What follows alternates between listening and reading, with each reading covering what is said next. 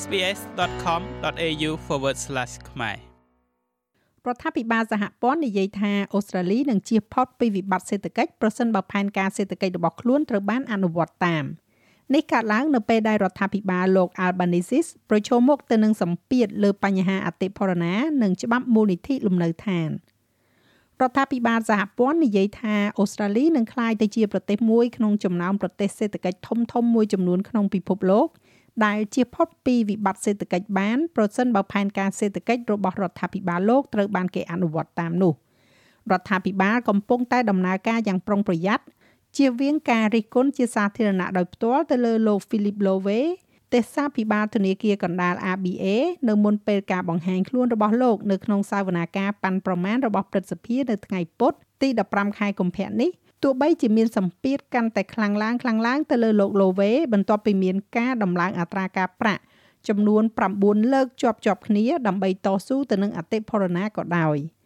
តំណែងរបស់លោកបណ្ឌិតឡូវេត្រូវដល់ពេលកំណត់ផុតសុពលភាពនៅខែកញ្ញាការសម្រេចចិត្តទៅលើថាតើអាណត្តិរបស់លោកនឹងត្រូវបន្តលើពីនោះឬក៏អត់នៅមិនទាន់ធ្វើនៅឡើយទេដោយការពិនិត្យសាររើធនាគារកណ្ដាលនឹងដល់ពេលកំណត់ក្នុងពេលឆាប់ៗនេះ។ ជំនួយការហេរ៉ាញឹកលោក Steven Jones មានប្រសាសន៍ថាលោកបណ្ឌិត Lowe មានការងារលំបាកមួយប៉ុន្តែរដ្ឋាភិបាលគ្រប់គ្រងដល់អ្នកដែលរងផលប៉ះពាល់ដោយការដំឡើងអត្រាការប្រាក់នាពេលថ្មីៗនេះ Our strategy is about complementing យុទ្ធសាស្ត្ររបស់យើងគឺស្ដីអំពីការបំពេញបន្ថែមគោលនយោបាយរូបិយវត្ថុមិនមែនធ្វើវាឲ្យកាន់តែធ្ងន់ធ្ងរនោះទេហានិភ័យនៃការប៉ាន់ប្រមាណខុសគឺខ្ពស់ណាស់ហើយផលវិបាកនៃការធ្វើខុសគឺខ្ពស់ណាស់ដែរ យើងច្បាស់ណាស់ឈរនៅខាងក្រុមគ្រួសារនិងនៅខាងអាជីវកម្មខ្នាតតូចដែលកំពុងតែដំណើរការយ៉ាងលំបាកទំនុកចិត្តរបស់អតិថិជនបានធ្លាក់ចុះដល់កម្រិតទាបបំផុតក្នុងរយៈពេលជិត3ឆ្នាំបន្ទាប់ពីការកើនឡើងនៃអត្រាការប្រាក់កាលពីសប្តាហ៍មុន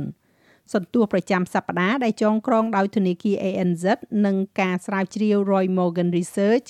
បង្ហាញពីទំនុកចិត្តអ្នកប្រើប្រាស់នៅ78.1ពិន្ទុ ធ្លាក់ចុះ5.5ពិន្ទុពីសប្តាហ៍មុន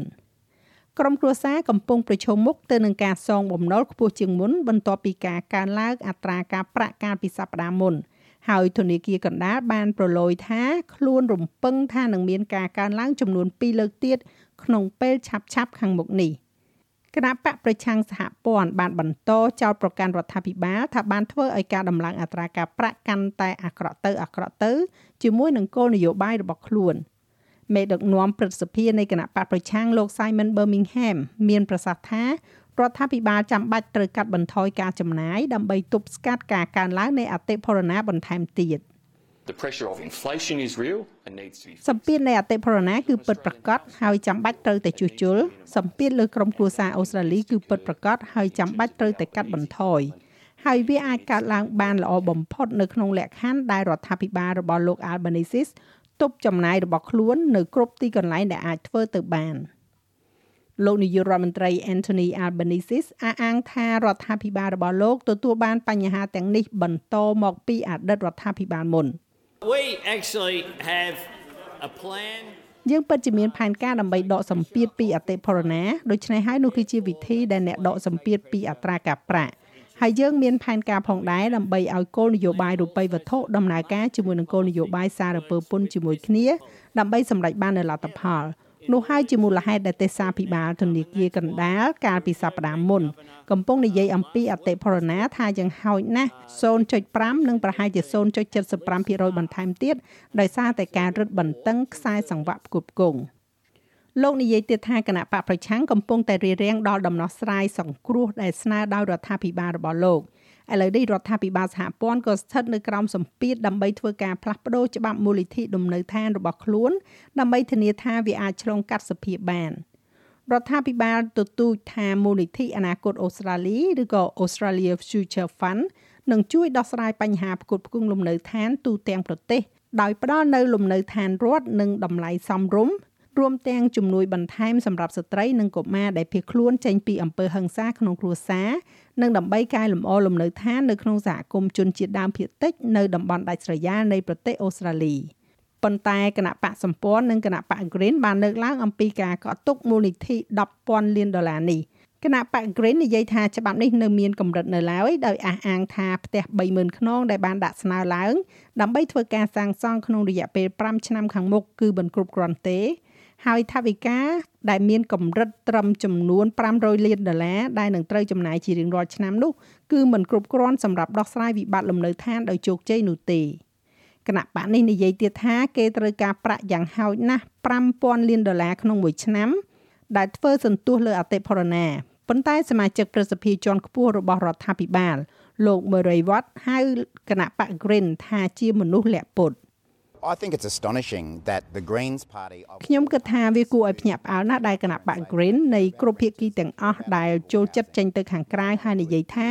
ពួកគេយកចិត្តទុកដាក់ចំពោះអ្នកជួលនិងខ្វល់ខ្វាយអំពីលំនៅឋានដែលមានតម្លៃសមរម្យឥឡូវនេះបាយជាចង់ធ្វើកិច្ចព្រមព្រៀងជាមួយលោក Peter Dutton ដើម្បីទប់ស្កាត់ដ៏ធំបំផុតនៃការវិនិយោគលើលំនៅឋានដែលប្រទេសនេះធ្លាប់បានឃើញ